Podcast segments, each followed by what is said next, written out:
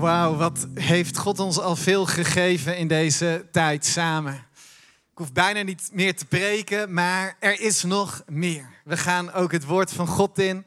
En ik denk dat het ook ons vandaag opnieuw gaat uitdagen en bemoedigen. Zes en een half jaar geleden stelde een goede vriend van mij een vraag. Hij zei: Stel dat je op je oude dag dat je kleinzoon naar je toe komt en dat hij net op school heeft geleerd over die verschrikkelijke oorlog in Syrië. En dat hij bij je op schoot komt zitten en je aankijkt en vraagt: Opa, wat heeft u gedaan toen die verschrikkelijke oorlog in Syrië was? Wat zou je daarop antwoorden? Er veel mensen die denken als ze nadenken over de Tweede Wereldoorlog, dat hun opa of oma of een overgroot opa of oma in het verzet zat of onderduikers had. Maar de realiteit is dat de meeste mensen tijdens de Tweede Wereldoorlog helemaal niets deden. Ze waren bang en ze waren bezig met zichzelf, hoe zij die periode moesten doorkomen en hoe ze dat moesten overleven. De realiteit is dat het maar een handjevol mensen was die in die tijd het verschil maakten. Als we kijken naar ons eigen leven, in hoeverre maken wij dan verschil in de rampspoed die in deze wereld is? Ik besloot dat ik niet wilde wegkijken.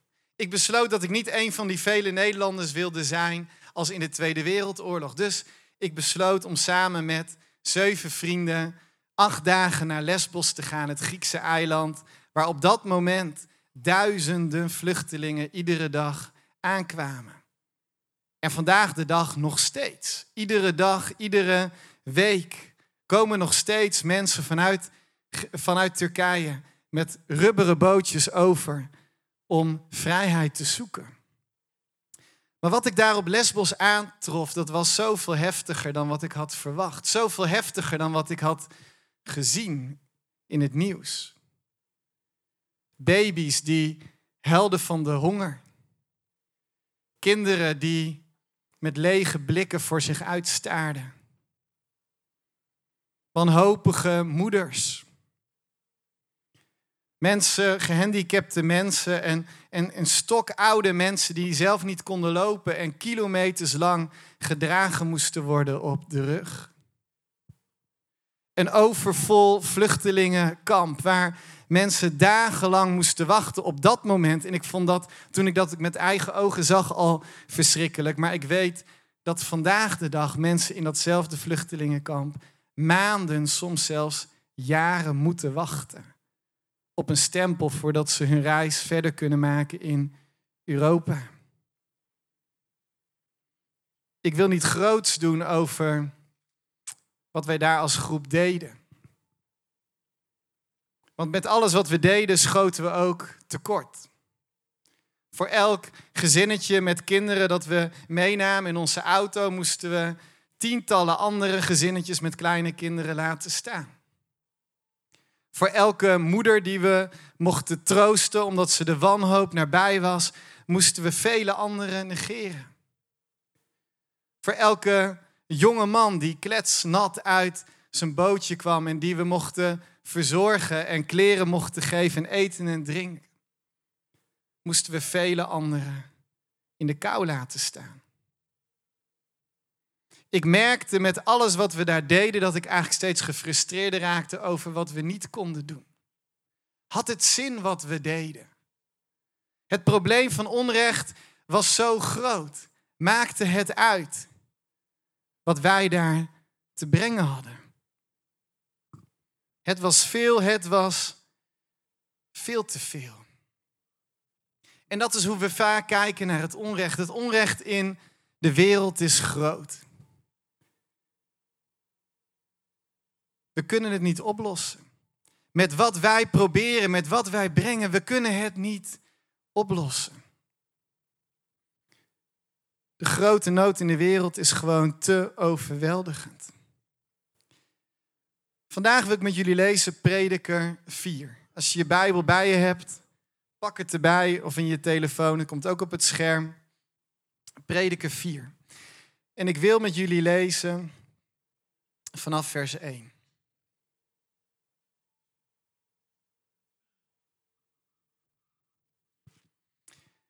Prediker 4, vers 1. Ik vestigde mijn aandacht op alle onderdrukking die er is onder de zon en zag de tranen van de onderdrukte. Er is niemand die hem bijstaat. De onderdrukkers onderdrukken hem met harde hand en er is niemand die hem bijstaat. De doden, meende ik, zijn gelukkiger te prijzen dan de levenden. Zij die al gestorven zijn, zijn beter af dan zij die nog in leven zijn. Maar beter af dan, dan beide is degene die nog niet geboren is en nog geen weet heeft van het onrecht dat er wordt begaan onder de zon. Een paar versen verder, vanaf vers 7.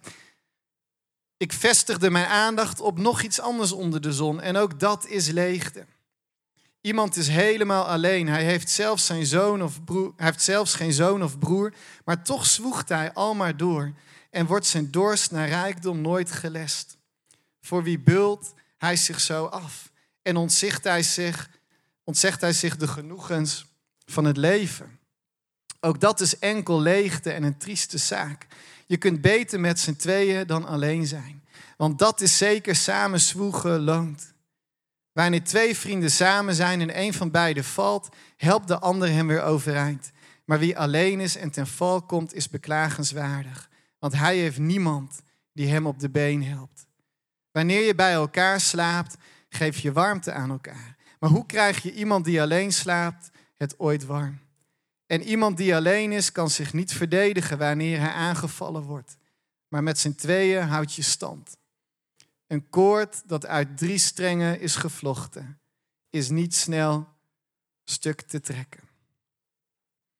Je kunt beter met z'n tweeën zijn dan alleen. Deze woorden uit Prediker 4 die worden vaak gebruikt in trouwteksten. En misschien ben je zelf getrouwd, misschien is het wel je trouwtekst. als je googelt op trouwteksten, dan komt deze altijd in de top 5 terecht. Mag ik je als pastor misschien een tip geven? Kies als je gaat trouwen een tekst die je zelf gewoon mooi vindt, die, die spreekt voor jullie beiden. Voor, voor predikers is het heel fijn als ze een keer mogen spreken over een andere tekst op een trouwerij dan deze. Maar goed, als je hem hebt gekozen en je vindt hem heel erg mooi en hij spreekt voor je. Natuurlijk is het een heel mooi vers, een heel mooi gedeelte om je leven samen mee te beginnen. Want met z'n tweeën is beter dan alleen. En daar zien we ook gelijk de woorden van Genesis 2 in terug. Als God Adam heeft geschapen en hij kijkt naar de mens en hij ziet dat het niet goed is dat hij alleen is. En dan schept hij uit de rib een vrouw, Eva. Want met z'n tweeën is beter dan alleen. Velen van ons ontdekken die vreugde als ze uiteindelijk hun partner vinden met wie ze het leven mogen delen. Dus voel je vrij om prediker 4 daarvoor te gebruiken.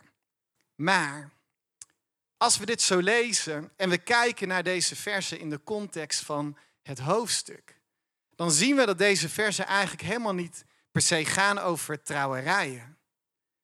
Maar dat ze eigenlijk heel erg het onrecht raken in deze wereld. Met z'n tweeën ben je beter dan alleen. Maar er is veel onrecht in deze wereld. We hebben dat de afgelopen twee jaar ook weer gemerkt. Dan heb ik het niet over corona of de overheidsmaatregelen en zelfs niet over de polarisatie, de verdeeldheid in onze maatschappij, wat velen zien als, als groot onrecht. En misschien is dat het ook wel, daar laat ik me niet over uit. Maar, maar meer dan dat hebben we de afgelopen twee jaar gezien dat de wortel van heel veel onrecht in onze samenleving het individualisme is. De zelfgerichtheid het ego centraal stellen. Het is verschrikkelijk om te horen hoeveel mensen in deze periode alleen zijn komen te staan. Misschien is eenzaamheid wel de grootste nood in de wereld. Omdat het iedere andere nood die er is zoveel zwaarder maakt. Als je er alleen voor staat. Als er niemand is die je daarin ziet. En wereldwijd is dat des te helderder. In de afgelopen twee jaar hebben we ook gezien dat het onrecht in de wereld alleen maar is toegenomen. Terwijl de westerse landen steeds meer naar binnen zijn gekeerd en steeds meer zich druk maken over hun eigen problemen, is het onrecht in de derde wereld alleen maar toegenomen. En veel mensen in ontwikkelingslanden die zijn dagloner. Maar door de lockdowns en de andere maatregelen kunnen zij hun werk niet meer doen. En in hun landen is er geen financieel vangnet of steunmaatregelen, zoals wij dat hier kennen. Een dag niet werken verkleint de kans op besmetting, maar betekent voor deze mensen ook een dag geen eten. In de afgelopen twee jaar zijn meer mensen omgekomen door de honger dan door corona. Wie kijkt naar deze mensen om? Wie helpt die broer? Wie helpt die broer weer op, die op de been die alles kwijt is geraakt omdat hij vervolgd wordt vanwege zijn geloof? Wie houdt dat kind warm dat s'nachts buiten moet slapen op straat? Wie verdedigt die vrouw die slachtoffer is van seksuele uitbuiting en geweld? Prediker zegt de droeve woorden in vers 1. Er is niemand die hem bijstaat. Ze staan er alleen voor. Ze zwoegen alleen. Het raakt me als prediker zegt, de doden zijn beter af dan de levenden. En het is nog beter als je nog helemaal niet geboren bent en dus nog geen weet hebt van het onrecht in deze wereld. Pittige woorden, maar ik hoor ze ook steeds vaker in deze tijd. Dat ik mensen hoor zeggen, ik weet niet hoor of ik wel kinderen op deze verrotte wereld wil zetten. Er is zoveel stuk, er is zoveel gebroken. De geschiedenis van deze wereld is gekleurd door onrecht. En de geschiedenis lijkt zich steeds maar te herhalen. We maken onszelf kapot. De mensheid heeft zich tegen zichzelf gekeerd. We verwoesten elkaar. En we vragen ons met z'n allen af of het ooit nog goed zal komen. Wat heeft het allemaal voor zin? De bittere realiteit is misschien inderdaad dat we het probleem van onrecht niet kunnen oplossen. Dat wat we ook doen en hoe we ons ook inspannen tegen het onrecht in de wereld, dat het nooit genoeg zal zijn en altijd tekort zal schieten. Maar dan die woorden van prediker. Het is beter om met z'n tweeën te zijn dan alleen. Juist als we kijken naar de onrecht in de wereld, het, wereld, het is beter om met z'n tweeën te zijn dan alleen. Henry Nouwen, een van mijn favoriete schrijvers. Als je hem nog niet kent, ga naar de Riemer, koop een boek van hem. Maakt niet uit welk boek, ze zijn allemaal geweldig. Hij zegt in een van zijn boeken: Er is veel verdriet en pijn. Maar wat een zegen als we dat verdriet en die pijn niet alleen hoeven te lijden.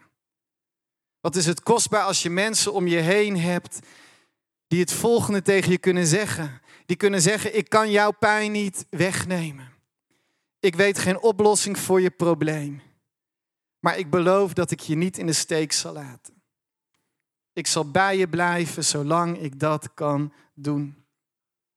Als ik terugdenk aan mijn diepste worsteling in mijn leven, dan ben ik zo dankbaar voor die vrienden die mijn problemen niet konden oplossen, die mijn pijn niet konden wegnemen, maar die er wel voor me waren. Die met mij meeleden. Die moesten huilen als ik moest huilen, die voor me baden, die naast me bleven staan als ik zelf het gevoel had dat ik niet meer overeind kon komen. Er ligt zoveel waarheid in het spreekwoord. Gedeelde smart is halve smart. Wie sta jij bij?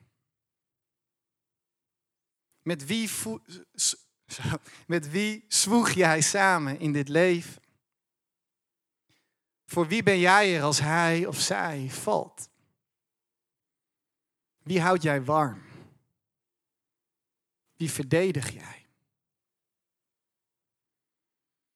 Even terug naar Lesbos, die acht dagen dat we daar waren. Op een vroege ochtend, het was denk ik een uur of vijf, stonden we op het strand uit te kijken over de donkere zee.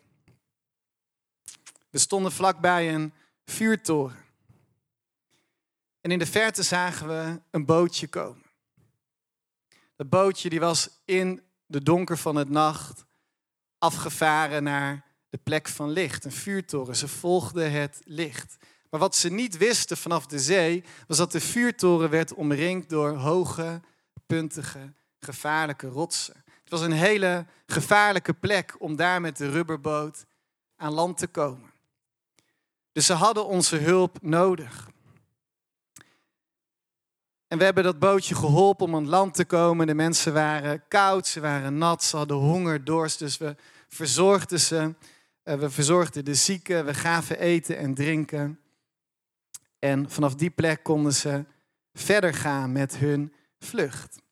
En een van de vluchtelingen op dat bootje was een 19-jarige Koerdische jongen uit Irak genaamd Younes. Hij moest vluchten uit het streng islamitische land omdat hij zelf niet religieus was. En daardoor vreesde hij voor zijn leven. Hij vertelde dat hij iedere dag bang was dat iemand van zijn gezin die dag niet thuis zou komen, omdat er een bom op straat zou liggen of er iets anders ergs zou gebeuren. En daarom had hij besloten op zijn 19 jaar om te vluchten. De dag dat we elkaar ontmoetten was een bijzondere dag voor ons allebei. En we hebben elkaar, zijn elkaar blijven volgen op social media.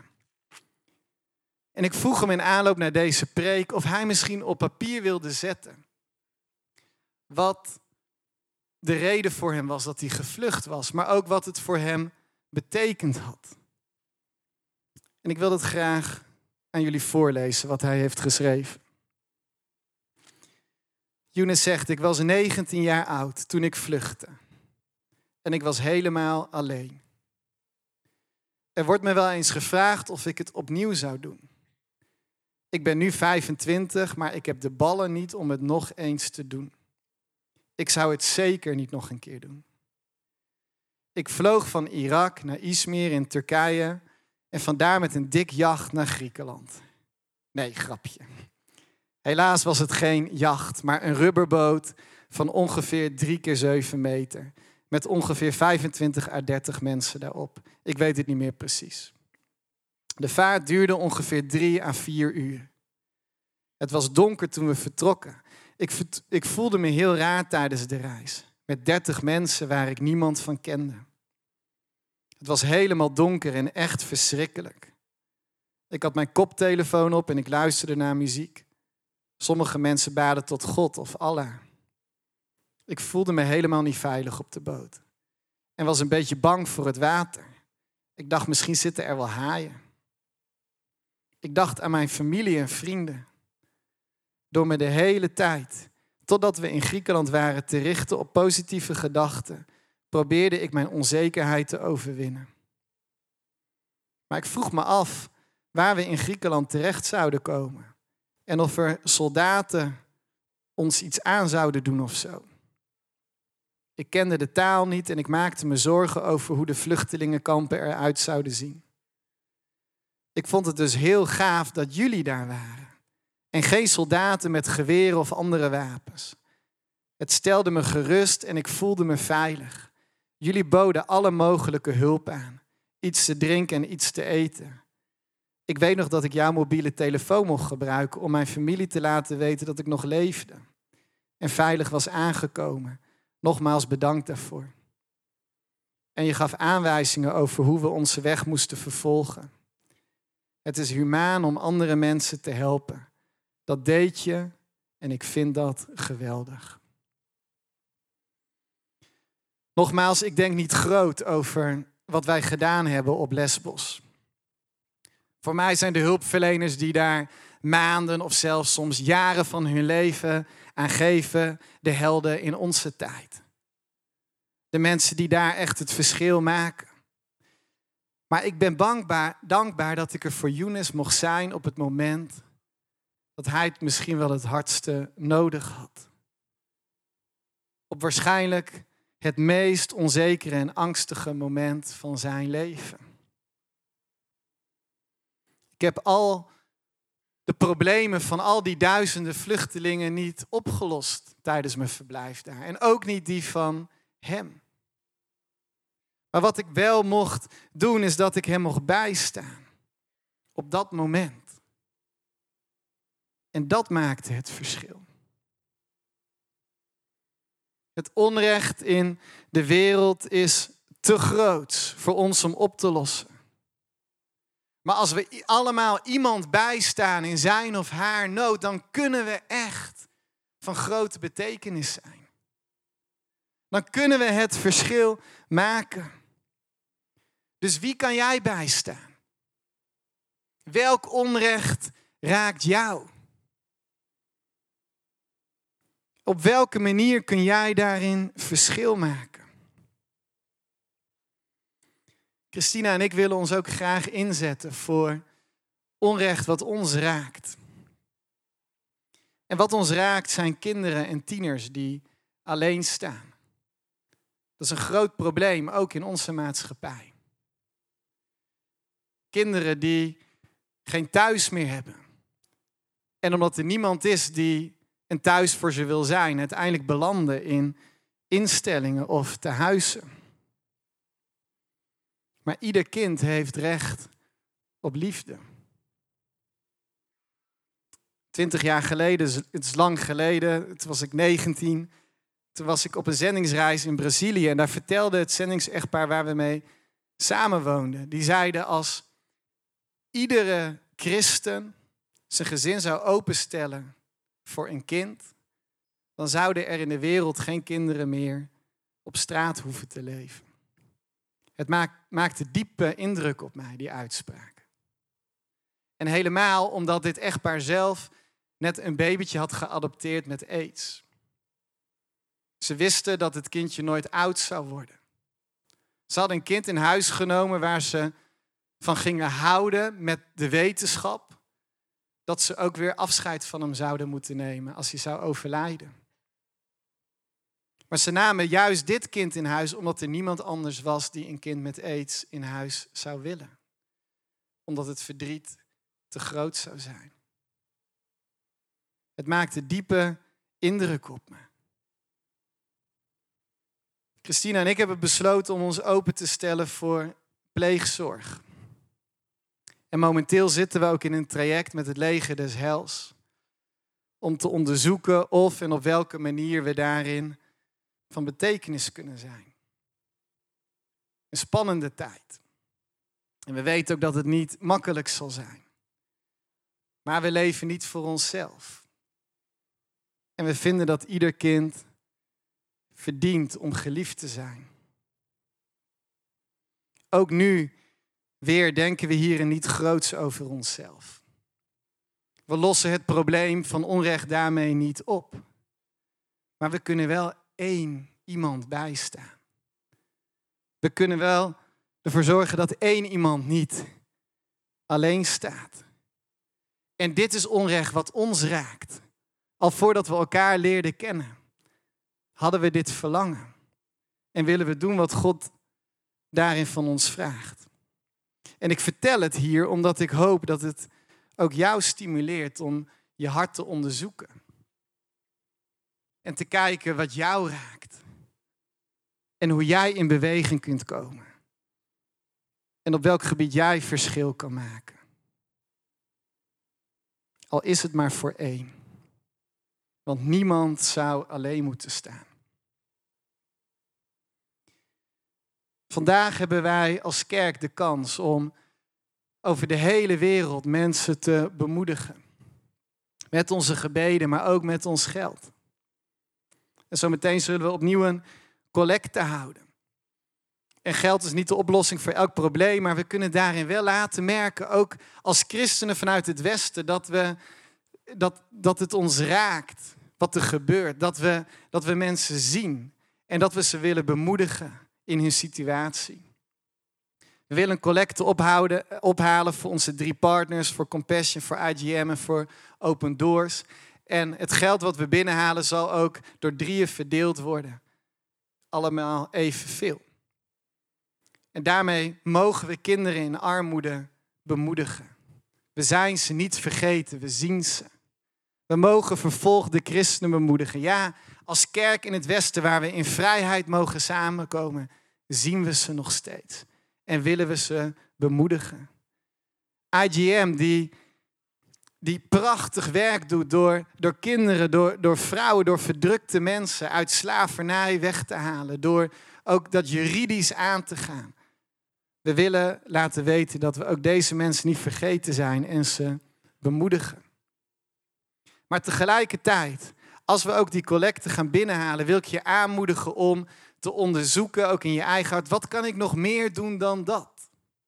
Hoe kan ik met mijn leven hier en nu het verschil uitmaken, al is het maar voor één, want niemand zou alleen moeten staan. Naast wie mag jij gaan staan? En dan vind ik ook het mooie in Prediker 4, het laatste vers. Want het is nog niet klaar. Waarin staat, met z'n tweeën houd je stand. Een koord dat uit drie strengen is gevlochten, is niet snel stuk te trekken. En dat is een beetje apart. Hij heeft het over twee en dan ineens over drie. Maar wanneer wij ons verbinden aan een ander, wanneer wij iemand zien en naast hem of haar gaan staan, dan verbindt Jezus zichzelf daaraan. Twee wordt bij Jezus altijd drie. En een touw wat bestaat uit drie strengen, dat is niet snel stuk te krijgen. Jezus verbindt zichzelf aan jouw daden van gerechtigheid. En daarom wil ik je ook vragen, zo meteen als we de collecte gaan ophalen, of je ook gewoon even met je buurman of buurvrouw kort wil bespreken.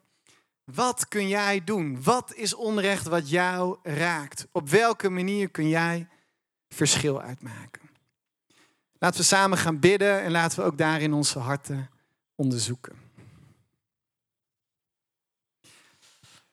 Ja, Vader God, dank u wel dat u een God bent van recht en gerechtigheid.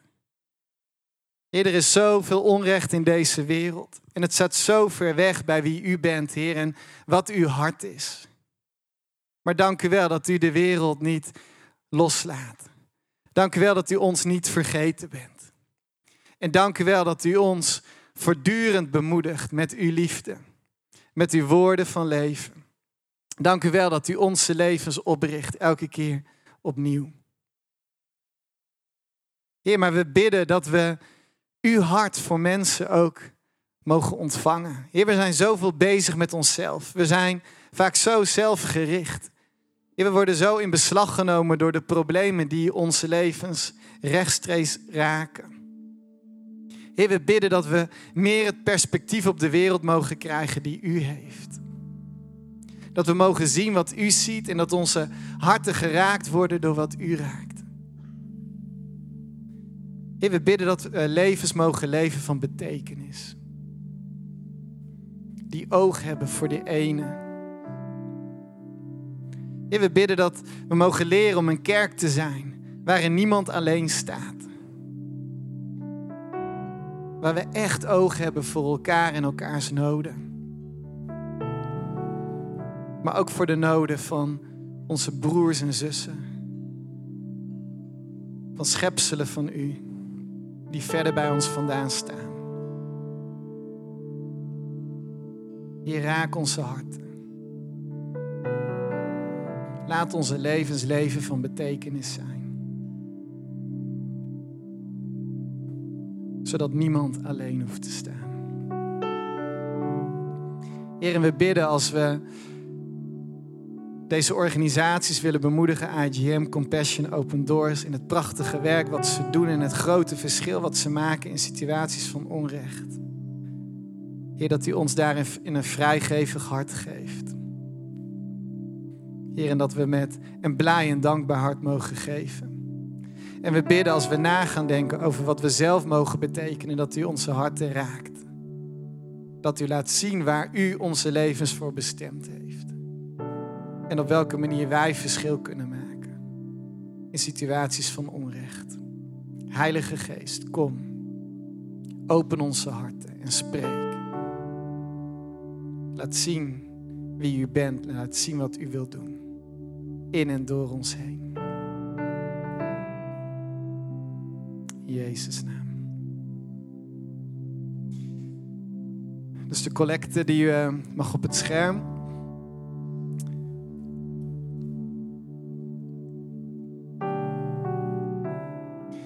Je kunt de QR-code scannen, maar je kunt ook naar de stadskerk.nl slash partners gaan. Geef niet op de gewone manier aan deze collecte, want dan komt het gewoon bij de collecte van de Stadskerk terecht. Maar doe dat via deze link, partners, zodat het ook inderdaad echt bij deze drie organisaties terechtkomt. En de volle 100% van wat je geeft wordt verdeeld over deze drie organisaties.